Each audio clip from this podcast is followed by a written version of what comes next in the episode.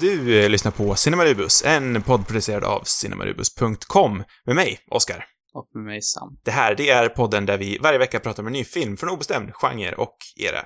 Det blir högt och lågt, brett och smalt, mycket historia, kuriosa och till sist så ställer vi oss själva frågan, måste man verkligen se den här filmen innan man dör? Veckans film, det är William Billy Friedkins film To Live and Die in LA. Eller, som den heter på svenska, Änglarnas stad, Los Angeles. Eller, som den också kan heta på svenska, Brottsplats, Los Angeles. Är det sant? Jag visste inte om att den hade svenska titlar, men det borde man ha förstått. Det är 100% sant. Eh, Den här filmen den kom ut eh, 1985 i USA. I Sverige, där kom den ut året efter, den 18 april 1986. Mhm. Hur är vi gör sen? Ja, så jag brukar berätta för dig vad den handlar Sam, om. och kan inte du berätta alltid för mig på vad den här filmen att jag handlar har om? glömt att eh, kolla, kolla. jag har glömt att eh, lusläsa synopsiset. Så jag kommer som vanligt att eh, direkt översätta IMDB-beskrivningen. Det är rimligt. Särskilt, du blir extra ursäktad eftersom vi ändå är tillbaka nu efter ett års hiatus. En, ett tillägg bara kring titeln. Den delar Mm. ju namn med en rätt grym Tupac-låt också. Och jag har försökt Mm. lite så här. Jag hade inte kollat upp det tidigare, men jag, det, slog mig nu precis innan vi började att jag skulle försöka luska i om Ah, Tupac har rimligt. liksom sett filmen och blivit inspirerad. Eller om, Mm. sen när jag började tänka på det så här, to live and die in LA, jag vet inte hur unikt det är. Tupac är kanske ett jättestort Wang Chang-fan. Ja. Eller Wang Dock Chang. Wang Chang låten är det, tror jag har, Wang har samplat Prince. Så att Ja. Ja, jag vet inte. Eller jag, jag, jag tyckte jag mig läsa mig till det. Ja, men det, är- det är en grym låt. Jag vet inte, om vi ska börja det här avsnittet med en låt så är det, det är fan svårt. Blir det Wang Chang-låten eller blir det istället Tupacs? Jag hade nästan föredragit Tupacs, för det, den är ju ändå bättre. Jag vill bara rätta mig själv och säga att det är Wang Chang, inte Wang Chang. Men Ja. Wang Chang har alltid bättre ring to it. Wang Chang. Wang, vänta, varför var den hette så? För det är så det låter, gitarren. Ja, gitarren låter tydligen Wang Chang. Ja, jag tycker det känns som en lite kulturell appropriering med dagens Ja. ögon. Det tror jag också. Men låt oss inte Sam. fastna vid det. Berätta vad filmen handlar om. Richard Chance is a federal agent. Rick Masters is a counterfeiter who killed Chance's partner to live and die in LA. Eh, vad, vad fan är Secret Service på svenska? Eh, sve- Svenska underrättelsetjänsten tänkte jag säga. Amerikanska underrättelsetjänsten är Ja, väl en rimlig översättning, eller? Ja, det, den filmen börjar ju med att de har skyddat presidenten på något sätt. Ronald Reagan. Är det Ronald Reagan till och med? Säger de det? Ja, jag tror de har sagt det bakom kulisserna-grejen i alla fall. Jag tror Ah. inte de nämner det i filmen. Nej, men det, ja, okej, ja. Ja, ja, men det är ju, fan de här skådespelarna som är med i den här filmen är så anonyma för mig, eh, Mm. att jag inte ens vet vem som är vem, typ.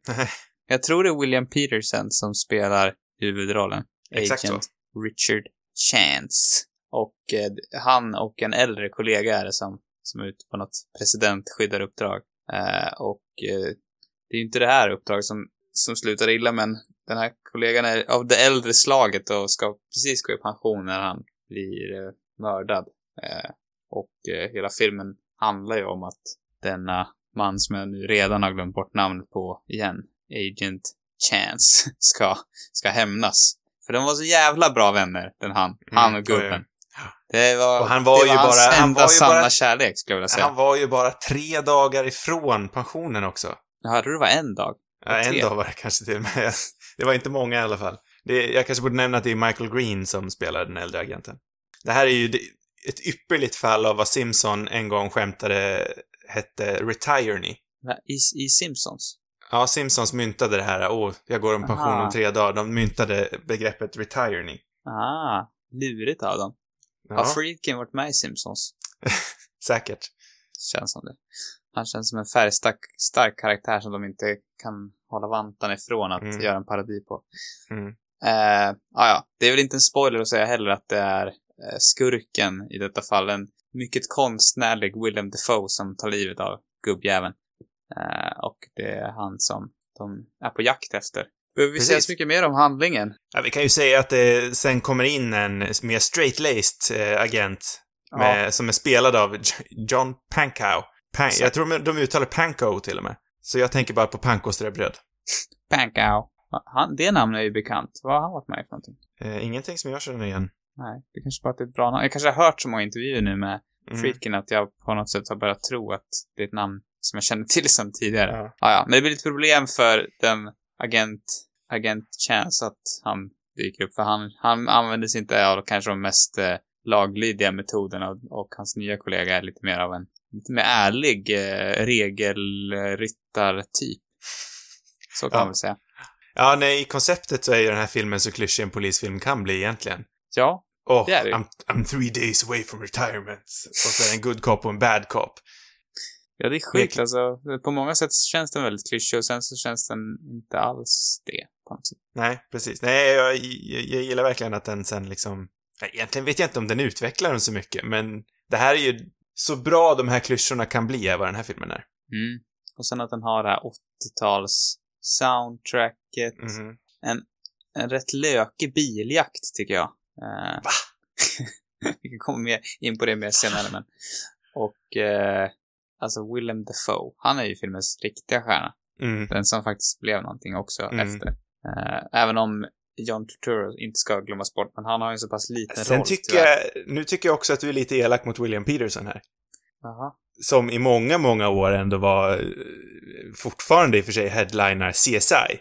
Femmans flaggskepp. Ja, men jag har aldrig sett CSI, så att Inte jag heller. är han ett okänt face, tyvärr. Men när man ser, jag ser bilderna på IMDB så ser han väldigt CSI-kompatibel ut. Jag har gärna ett längre utlägg om William Peterson lite senare. Eller nu? Ja, men, ja, men det kan du få ha. Vi, jag Ja. tycker vi ska nämna Dean Stockwell också. Mm. Eh, som känns otroligt bekant. Även om jag inte har sett speciellt mycket med Men han är med i... Det är någon David Lynch-film han är med. Jag trodde att han var med i Twin Peaks också, men det, det tror jag inte han är. Han var inte din Stockholm med i eh, Blue Velvet också? Ja, i Eh, Blue Velvet. Han var väl också med i Wild at Heart?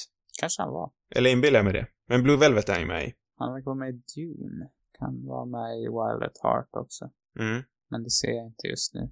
Ja. ja, han har väl en mindre roll i den här filmen ändå. Ja, men en mi- minst sagt viktig. Han är också med i. Paris, Texas. Mm. Och där tycker jag, om, det känns som att jag gör lite porträtt här över de olika viktiga personerna involverade i den här filmen. Men den sista, Mm. kanske, jag tycker kanske nästan den som på något sätt lyfter hela den här filmen, det är ju fotografen. Ja. Det, jag, ja, jag tror du, det, jag känner spontant att du gillar filmen mer än vad jag gör. Jag tyckte det var en, bra film, men eh, det var ju, det som jag känner mig mest tacksam för, det är att få se Robbie Müllers fantastiska foto. För den här kom ju Otroligt Precis. foto. Precis efter, året efter eh, Paris, Texas tror jag, som är väl hans mest, ja, kanske mest klassiska eh, jobb som Mm. fotograf. Mm. Eh, men ja, Robbie Müller, den, han, jag trodde han var tysk faktiskt, men han är holländare, insåg jag sen. Men han, Ja.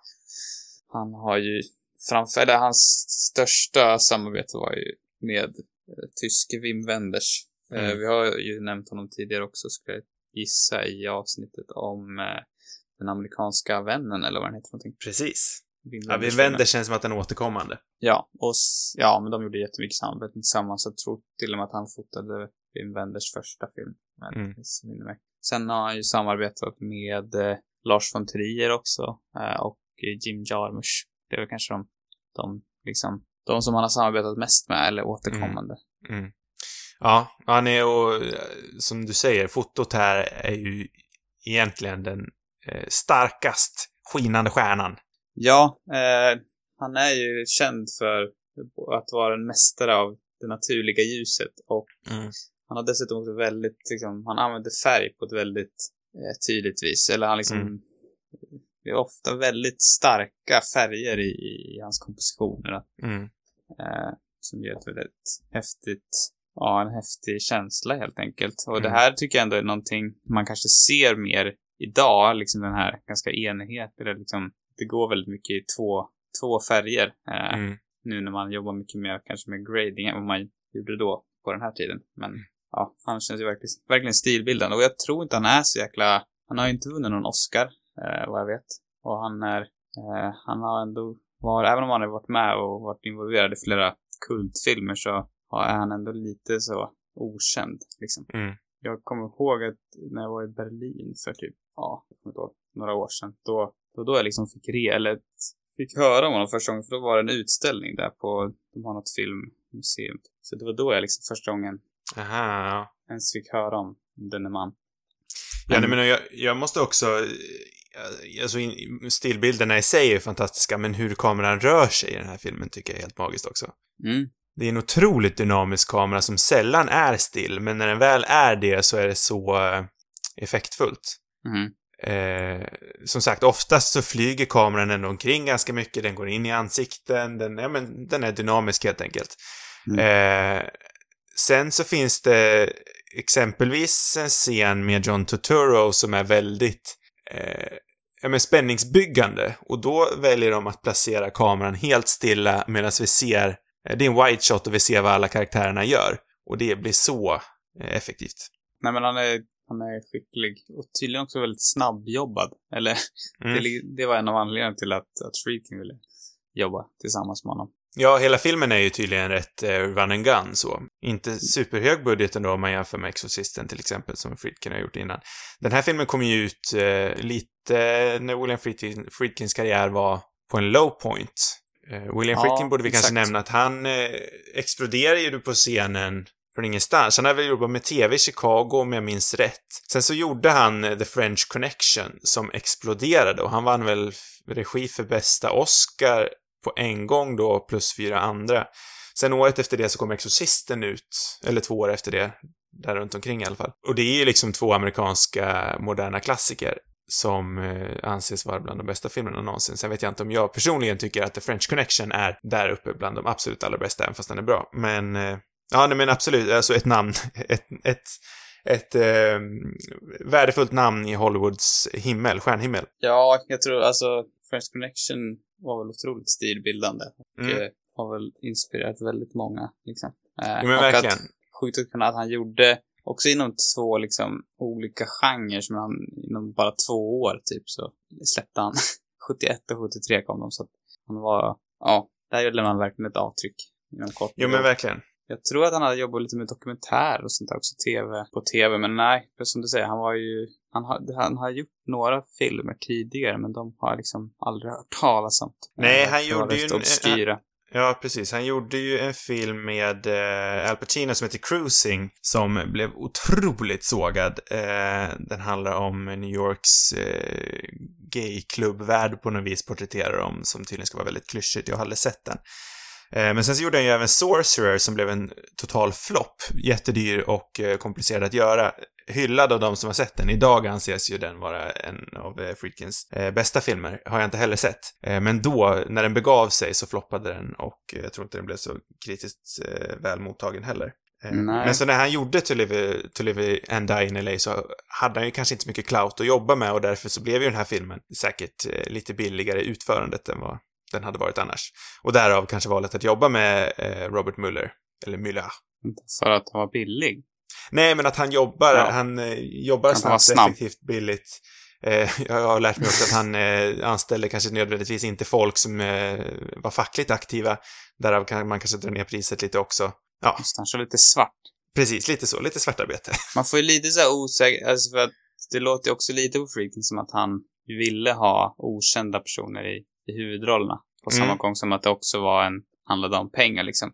Det var ju i och för sig saken med French Connection också. Uh, där, alltså Gene Hackman där till exempel var ju, var ju rätt okänd när han gjorde den. Det var väl efter den som han blev en, en stor stjärna. Eh, I det fallet berodde det väl på att han var liksom en ny regissör, så då hade han, kunde han inte knyta några större skådisar kanske. Eller hade Ja. inte den typen av budget. Men det, det är lite som att han... Eh, Ja, lite han efterkonstruktion kanske. Ja, det, ja. Men det känns lite som att han har han kollat nästan på så här, vad, vilka ingredienser med French Connection är det som funkar. så här, lite mer än, eller nästan 15 år senare för att på något sätt relauncha sin karriär så gör jag nå, någonting liknande liksom.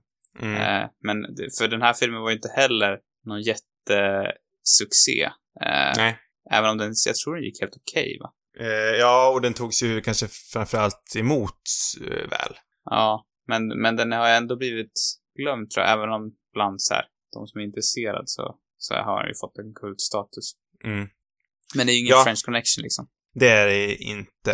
Eh, även fast jag tycker att den är när, den är, när, den är bra, när den är bra så är den bättre, så kan jag säga. Ja, ja, jag är ju personligen mycket mer förtjust i French Connection. Jag tycker den hade Mm. en, en mer äkta råhet till sig Mm. och eh, jag känner mig nog ja, mer ren spänning än vad, vad den här filmen har på något sätt. Ja, jag, jag, jag tycker personligen att det är en bättre film. Jag tycker att den här film, filmen är superbra i början och i slutet. I Mm. mitten så hade jag eh, nog kapat en del.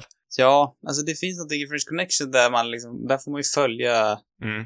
följa de här poliserna att, eh, alltså de ska försöka se, det är väl någon stor liksom knarkdeal. Mm. Så, och de, det är mycket att de går runt liksom på, gatan bara följer efter folk och Mm. ska hålla koll på vad de gör och får liksom slå till när de gör något fel, typ. Eh, jag, jag tycker det, den biten är ju otroligt välgjord, eller otroligt liksom Mm. intressant tycker jag. Och det saknar de i den här. Ja, nej, alltså French Connection är, är superbra. Det ska jag inte sticka under stolen. Som att det Den- vore en kontroversiell åsikt. Den har ju också en bättre biljakt, tycker jag, än vad den här har. Även om, om, eh, om Friedkin själv tycker att det här är hans bästa. Eh, ja. Det var så länge sedan jag såg French Connection nu, så jag kan inte riktigt... Eh, Jag såg Eh, den jag- ganska, eller så nyligen, men det är lite samma sak med den också. Den, den biljakten är mer, mer ren, tycker jag. Och eh, det är något lite, ja, det är något råare i den också. Den Mm. här känns mer som någonting man har, alltså den känns, den biljakten är väldigt linjär. Alltså som jag minns det i alla fall så, så följer han ju bara efter ett, ett tåg, liksom. Ett Mm. tunnelbanetåg. Typ. Mm. Eh, väldigt, han åker bara rakt fram, typ. Mer eller mindre. mm. Medan den här är liksom lite mer vad man har sett i andra filmer. Sen om andra filmer har inspirerats av den här eller om vad som kom först i frågan. Men, men eh, den här känns mindre unik, tycker jag. Även om det finns många liksom, häftiga detaljer. Eh, Jag tycker att den här biljakten är fruktansvärt bra. Eh, sen om den är bättre eller sämre än French Connection, det vill jag nog låta vara osagt, för det var som sagt ett tag sedan jag såg French Connection. Men jag tycker den här är fruktansvärt snygg och eh, väl utförd. Eh, när de liksom, för den eskalerar så mycket. Den, den har, den har, går i vågor. Den ena sekunden så är det lugnt, sen helt plötsligt så kommer det två bilar mitt emot oss. Åh nej! Vi måste åka ner här, de måste åka över ett tåg som de är nära att bli överkörda av. Sen så kommer de upp på motorvägen och nej, de är fast igen. Och men det finns en enkelriktad räddning. Vi åker ut på den enkelriktade filen. Och sen så åker de ju in i en lastbil som, eh, vad heter det? När lastbilen liksom, när släpet eh, hamnar eh, vågrätt på, på vägen. Va, vad det heter? Ja, det, fin det finns ett namn på det. Jag kommer inte ihåg vad det är bara. Men det, är- det är en väldigt bra biljakt med olika lager. Eh, med bra tempo, snyggt filmad som sagt. Jag älskar den. Jo, ja, men den är, den är absolut riktigt bra den här också. Jag ska inte dissa den allt för mycket. Det, jag tror dock, om, jag, om det stämmer, så, så var, vägrade Müller alltså spela in den här Mm, också hört. scenen. Utan det var eh, den numera rätt kända Robert, han Geoman som, inte man uttalar det namnet, men han, Wes Andersons klassiska fotograf som Mm. var assisterande på den här filmen. Det var han som fick ta över, om det stämmer, eh, och den här. Jag kommer inte ihåg eh, riktigt varför, jag minns nu, nu minns jag inte riktigt varför han inte ville filma den här biljakten. Men Nej, det vet inte jag heller. han Det känns är- kanske inte som en så här actionfilmsfotograf. Nej, precis. riktigt. Nej. Sen så känns ju inte den här heller vidare fackmannamässigt utförd, så det kan ju ha varit en, farogrej.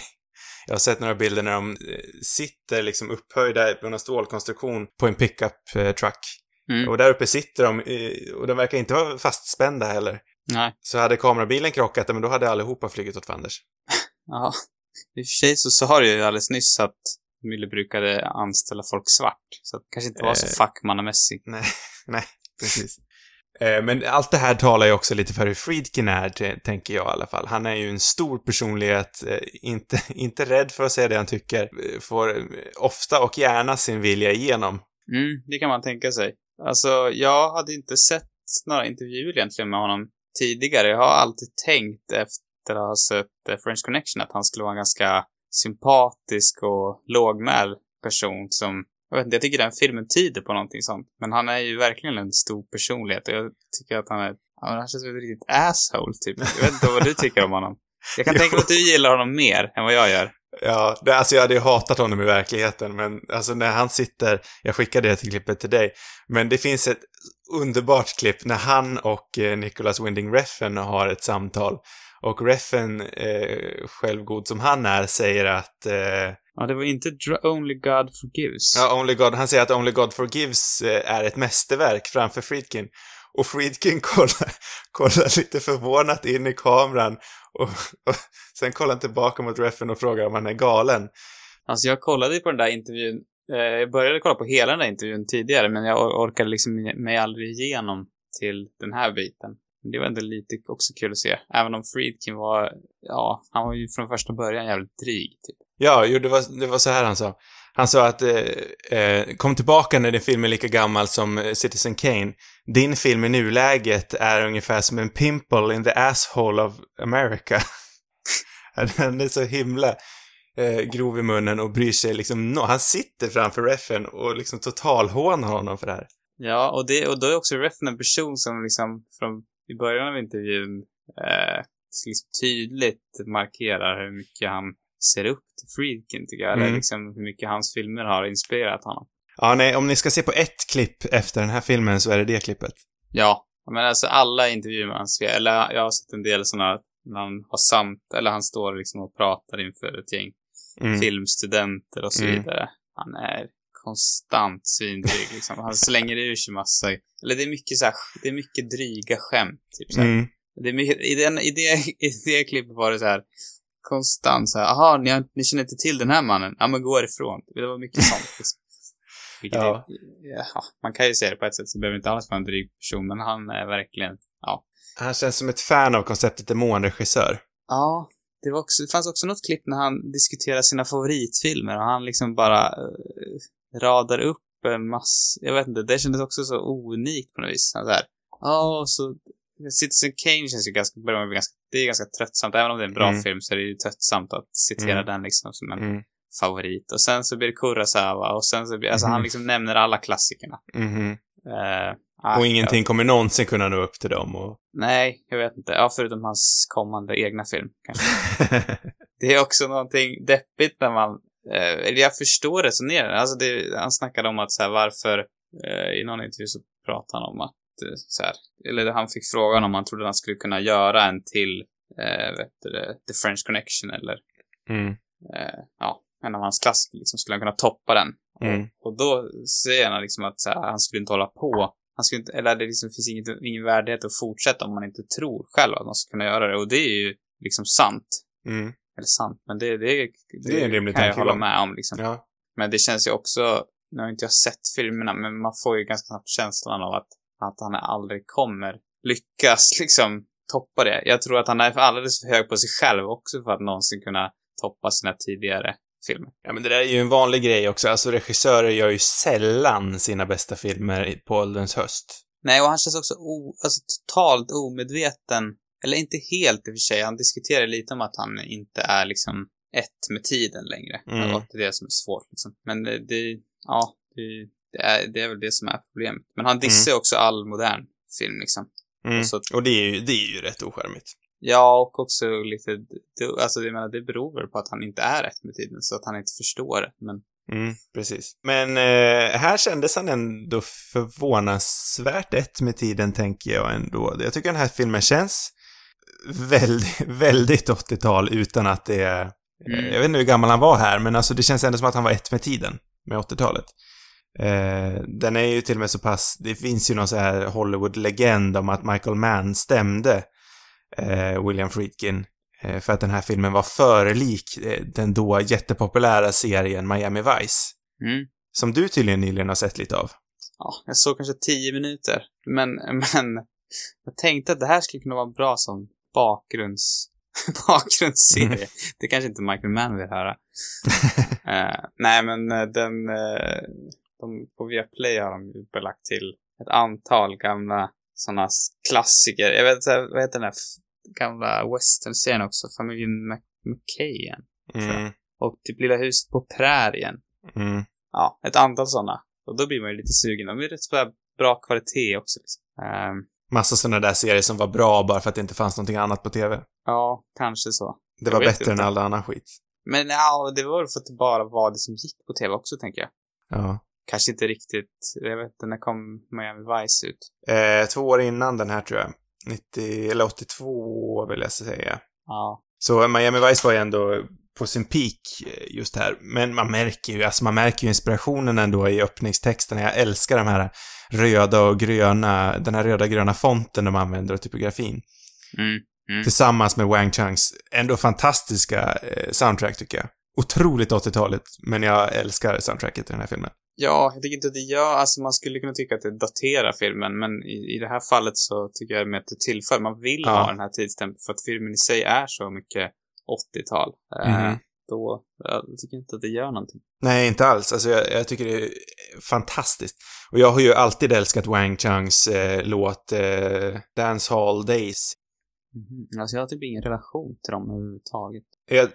Det är den låten de spelar in i strippklubben. Ja, Eh, fantastiskt, eh, fantastiskt eh, catchy låt.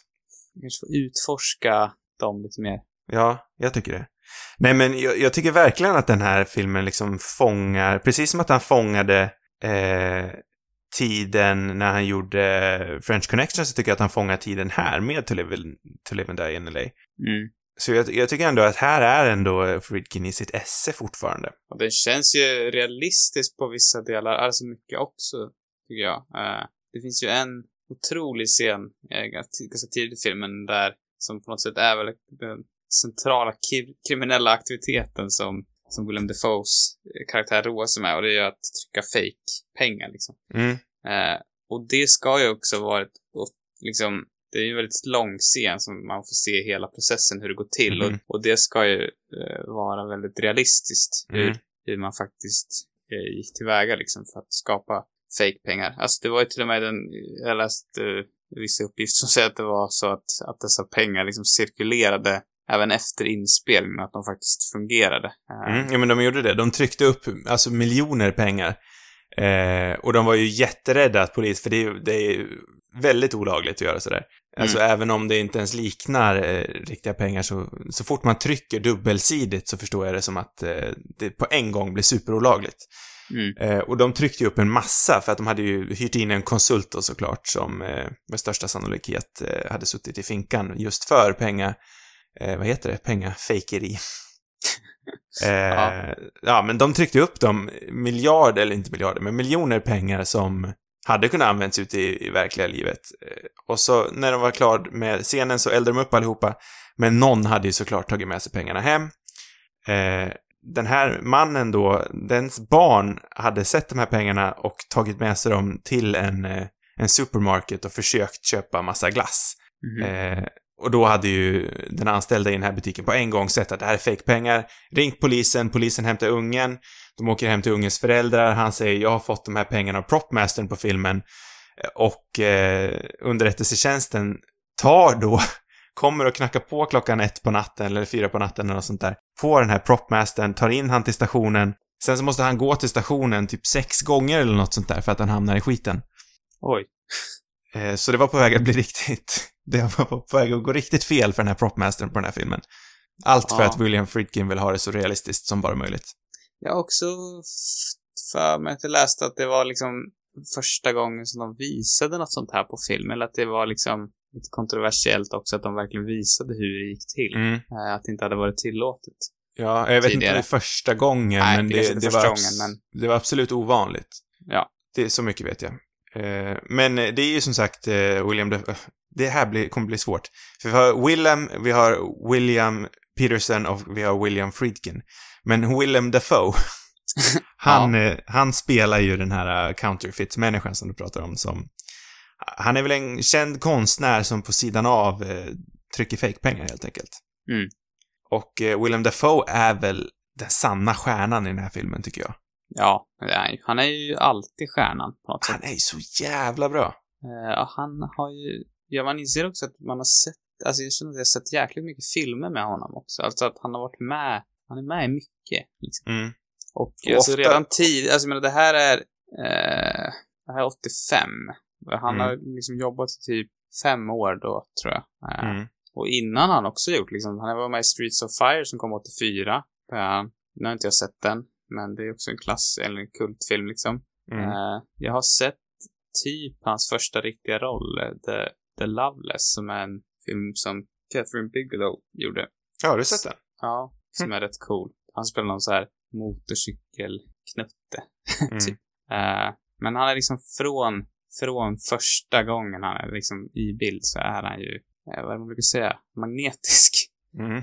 Han är, ja. Ja, och men sen har han efter- varit det under hela sin karriär, mer eller mindre. Ja men verkligen. Efter det här, bara ett år efter så jobbar han ju med eh, Oliver Stone i Plutonen, en superkänd film, där även William Peterson fick eh, erbjudande att spela huvudroll, men han tackade nej. Eh, Aj, aj, aj.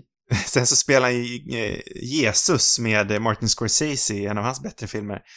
Sen så året, eller samma år som han spelar Jesus är med i min besläktade rekommendation den här veckan, som jag tänker jag smy, smyger in lite halvsmidigt här. Mm. Eh, Mississippi Burning finns på Viaplay. Ja. Fruktansvärt stark film om, eh, med förnämnde Gene Hackman. I en eh, double-hander kan man väl säga. Det är han och eh, Hackman som eh, spelar huvudrollerna i Mississippi helt enkelt under, jag tror det är 50-talet någon gång nu i USA, som allra mest rasistiskt. KKK bränner kors. Eh, man lynchar afroamerikanska eh, män och kvinnor. Eh, det är inte bra helt enkelt. Väldigt stark film om eh, rasrelationerna i den amerikanska södern. Den har jag inte sett. Nej, det jag rekommenderar. Det finns på Viaplay som sagt. Kan man tänka sig att han spelar någon, någon rassig typ? Faktiskt inte. Det kan också vara Nähä. värt att nämna. Det är Oj. lite countercasting. Eh, Mm. Så spelar eh, Willem Dafoe en good guy. Men han gör ju det ibland också. Mm. Det, det, han, alltså man tänker på sätt, på sätt och vis tänker man att han alltid är liksom William Defoe, William Defoe vilket Mm. han på sätt och vis ändå är. Men han har också gjort väldigt olika roller tycker jag. Mm. Alltså, lurig på det här viset. Ja, men alltså han är ju lika bra som en charmig huvudkaraktär egentligen. Mm. För där spelar han, där är han som spelar den här straight-laced eh, poliskaraktären medan Hackman spelar den mer, lite mer loose, loose by the rules. Han bryr sig inte så mycket. Nej. Eh, jättebra film, tycker jag. Skulle kunna ha ett, ett avsnitt som bara handlar om olika William Defoe-rekommendationer. Jag tror det. Men i den här filmen som sagt så spelar ju ändå Willem Dafoe, eh, the bad guy, eh, eh, till eh, väldigt eh, bra effekt. Mm. Han är inte med jättemycket. I början av filmen så är det nästan en, eh, jag menar en double hander för att använda det begreppet igen, men där han och eh, poliserna delar filmen. Ja, sen försvinner han lite grann. Ja, och det är väl kanske det också som gör filmens andra akt lite tradig. Ja, jag tror det. För han saknas. Ja. Han är väldigt eh, läskig när han kommer in i bild. Eh, egentligen inte så over the top som eh, Dafoe kan vara ibland.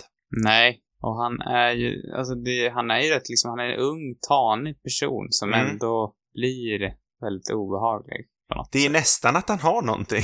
Alltså, han, han ser nästan charmig ut. Ja, man gillar, han är ju likeable tycker jag. Ja. Han gör ju inte så mycket hemska grejer heller i bild. Eh, nej, han Eller? skjuter väl Ja, någon rakt i ansiktet. Ja, men det ser, han säger, det, det var för att han var på fel plats. Fel tillfälle bara. Det.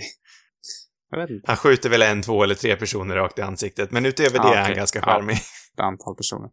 Ja. Eh, ja, eh, och sen så, som de två pis- eh, pi- pistolerna tänkte jag säga, som de två eh, poliserna då som jagar Dafoe. För när Dafoe skjuter den här eh, polisen som nästan ska gå i pension, så eh, blir ju William eh, Peterson, han svär hämnd och eh, gör det sig till sitt eh, uppdrag att eh, ta fast Dafoe helt enkelt.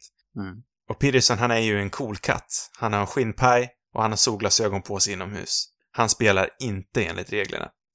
Han är så stereotypiskt en cool typ också, så att jag tycker det är Mm. lite pajigt. Mhm. Jag tror inte att filmen, alltså det är inte ironiskt på något, eller den har ingen så här självdistans till honom som kara- karaktär. Nej, nej, nej. Ja, det, det kanske också är en brist på något sätt. Att jag tycker att, att Gene Hackman i French Connection är mer cool på riktigt. Och båda Mm. de här karaktärerna är också rätt osympatiska. De har rätt liksom usla sidor. Och Mm. det är ju liksom, det är väl lite av Freakins eh, stora grej också, att han, han ser inte någon som en ren hjälte eller ren skurk, utan han, Nej, han vill ha de här mer komplexa karaktärerna och det, det lyckas han med i, i båda de här filmerna. Men eh, det är någonting hur, det är klart att det finns personer som är som, som William Peterson i den här filmen, eh, som tar sig själv på väldigt stort allvar. Eh, men det, jag vet inte, om filmen hade, hade nog ändå kunnat vara lite mer jag vet inte, med, alltså sett det på ett lite annat sätt, eller vinklat på ett annat sätt, så tror jag att det hade känts, ja, det blivit lite mera, ja, hade fått en annan ton. Mm. Ja, Alltså jag förstår ju vad du menar, men någonstans så älskar jag ändå att den här filmen inte bryter, den, den, håller, den förhåller sig helt och hållet till klyschorna. Mm. Jag tycker ändå att det är lite kul, för det här är nästan, ja men det är ju som sagt så klyschigt det kan bli, men det är också så bra de här klyschorna kan bli. Det finns en scen, tycker jag, som ett exempel på, på ganska usel berättande. Eh, Mm. Och det är ganska tidigt för att förmedla att, eh, att den här William Peterson är en risktagare eh, Mm. som, som inte är rädd liksom för att ta risker eller att Mm. han är lite självmordsbenägen nästan. Mm. Då, då ska de visa att han ho- hoppar liksom bungee jump.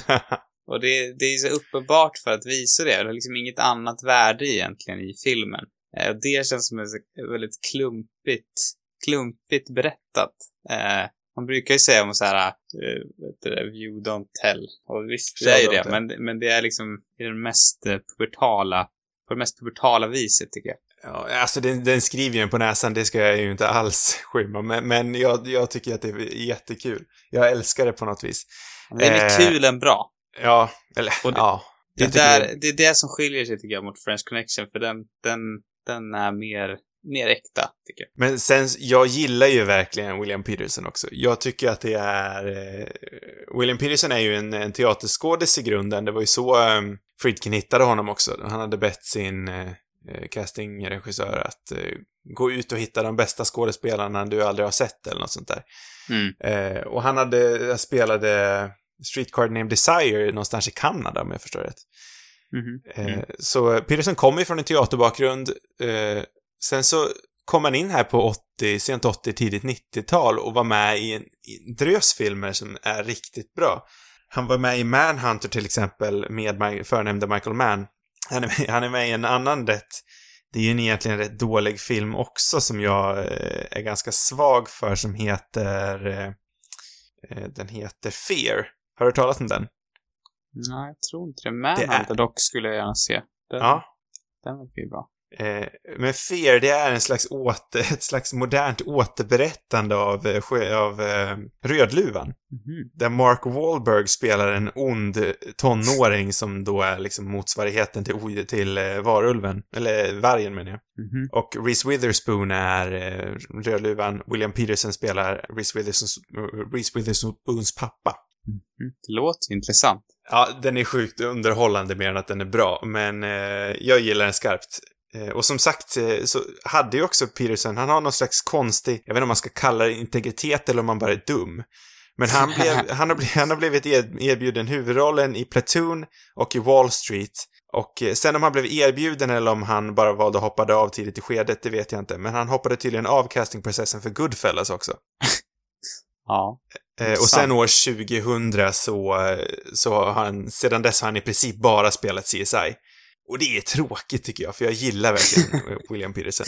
Men inte för honom. Mycket pengar. I potten. Ja, det är det ju såklart. Nej, men det, det här är också en sån här in, intressant tänk om skådespelare. Hur hade det sett ut om han var Henry Hill i Goodfellas till exempel? Skulle han kunna få en revival, tror du? Eller är han för gammal för det?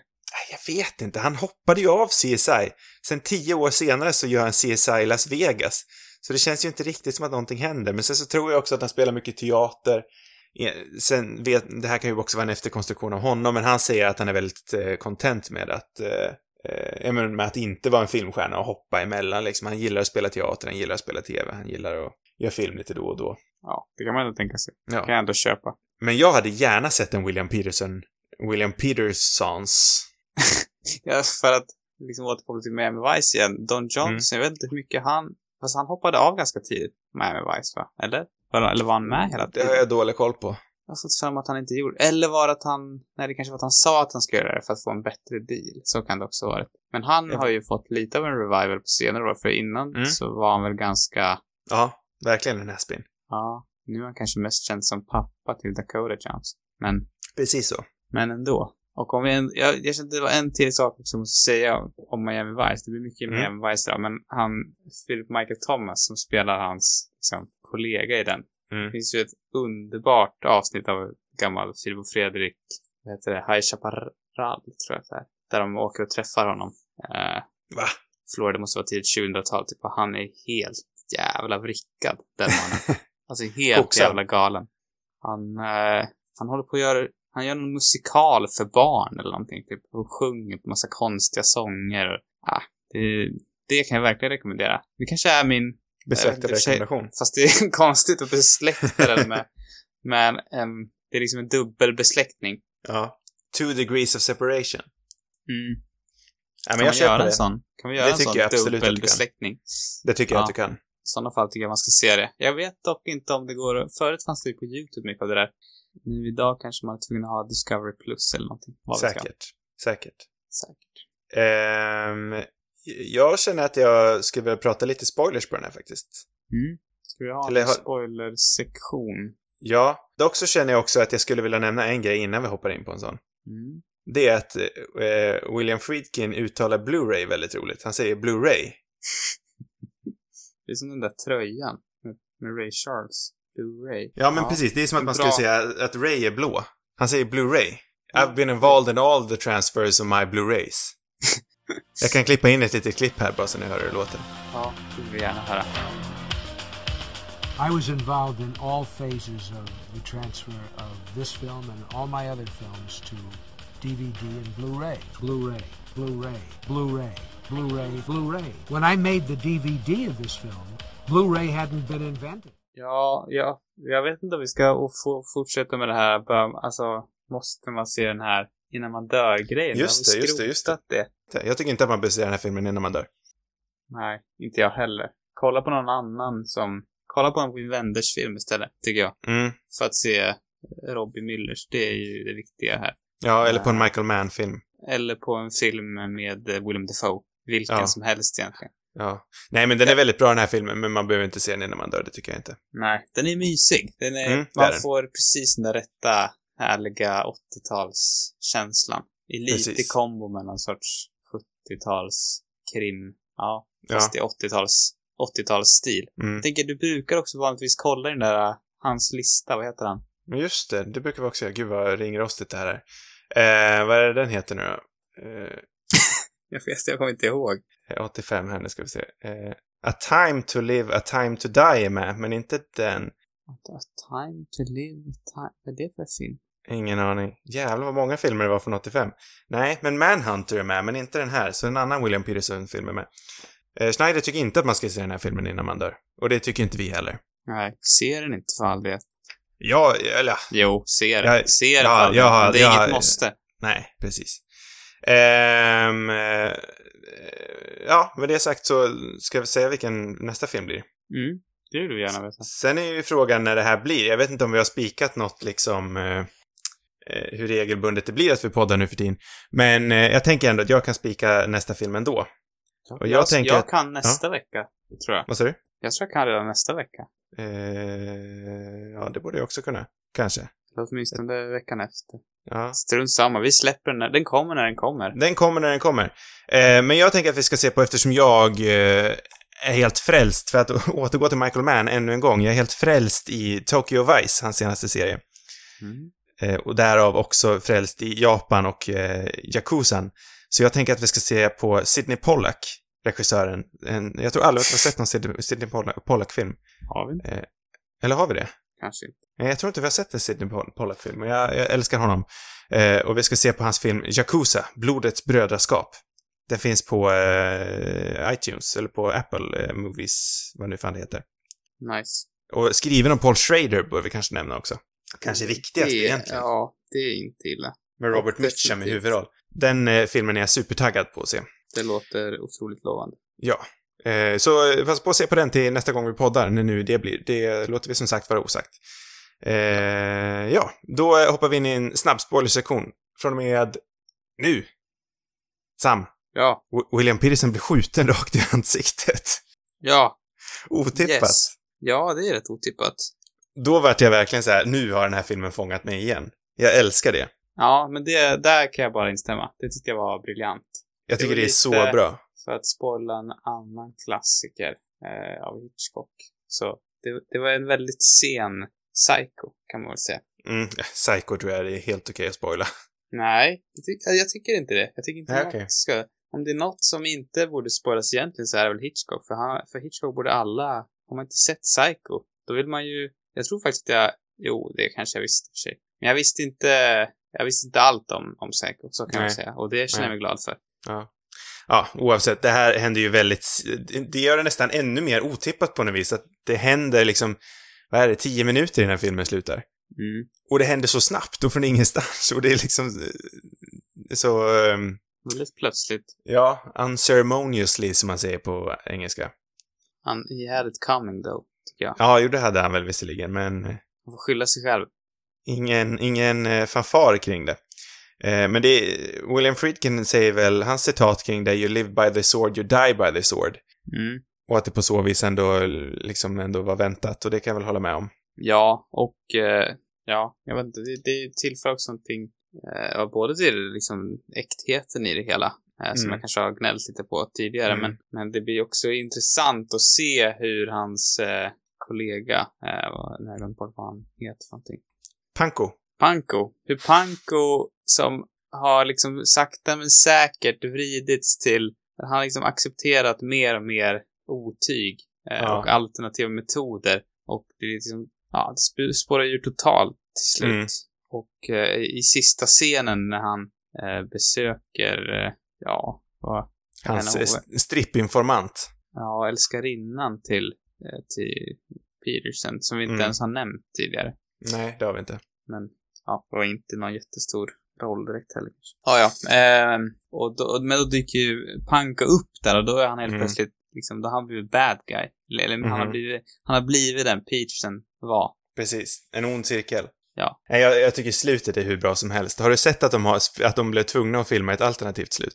Mm. Där han blir skjuten i, i vad han blir skjuten någon annanstans och överlever. Ja, men det är ju så fruktansvärt dåligt. Och sen så klipper de till de här två i, i en stuga uppe i, snö, i ett snöigt berg. Mm. Och kollar på tv-rapporten om hur det här, hur, hur allt det här hände. Det är, Ja, är det att de har typ gömt dåligt. sig då för att inte bli... Ja, jag tror det. Ja. Och, Men det och känns William Peterson otroligt- ligger under täcken och liksom kurrar lite. Det känns, just det har jag inte sett. Jag har bara sett själva skjutscenen, eh, Mm. den, om- den andra varianten. Mm. Men det känns ju, det är väl otroligt eh, klassiskt Hollywood också. Att Mm. tvinga in en sån scen. Det är det, och det är, det är pajigt dåligt. Det är hur Jag dåligt som helst. eh, har också hört att, att den vissa tv, eller versioner som sändes på tv faktiskt var det slutet. Men, Nej. Jo, tydligen. Men, Jaha. men den som gick på bio hade ju fortfarande det originalslutet. Så de, Mm. de lyckades inte. Han, han lyckades säga ifrån freaken. Mm. Återigen. Ja, nej, det, är- det är brutalt dåligt, men jag älskar verkligen slutet som är. Och jag älskar eh, den här brinnande sekvensen också när Defoe dör. Mm. Jag älskar egentligen allt med slutet. Jag tycker det är väldigt bra. Alltså hela, alltså hela eskalationen från biljakten till slutet tycker jag är mästerligt bra. Hade hela men filmen varit så slutet, bra så. Ja, alltså i, när, i bilakten också när det avslöjas att den mannen de har kidnappat exempelvis. Eh, En FBI-agent, ja. exakt. Och han Och Panko blir bara liksom. mer och mer nojig. Man, man ser Panko eh, gå ner totalt. Det finns också ett, jag tror det är, jag vet inte om det är en bild. Det är väldigt så snygg bild tycker jag när han kollar igenom den krossade bakrutan i den här Mm. bilscenen. Jag tror det är den bilden som är på Mubi eh, för den här Mm. filmen. Ehm, det är eh, också jäkligt snyggt tycker jag. Mm, det är det. Ja, nej, jag älskar slutet. Fruktansvärt bra. Det var väl egentligen det jag hade att säga. Allt vi hade för denna vecka. Eh, ja, men och som sagt, eh, vilken film vi pratar om nästa vecka, det är Yakuza, Blodets brödraskap. Har ni eh, några frågor eller kanske, ett försvar, eller kanske ett förslag och vill ha svar, då... Nej, så säger jag inte. Har ni ett förslag eller kanske en fråga som ni vill ha svar på, då skickar ni in det till cinemarubus.gmail.com. Sociala medier, det har vi också. Där heter vi Cinemarubus på Instagram och Twitter. Sen så är det en till grej jag brukar säga också. Flera avsnitt, de hittar ni på cinemarubus.com. Det var allt för denna gång. God natt, Sam. God natt.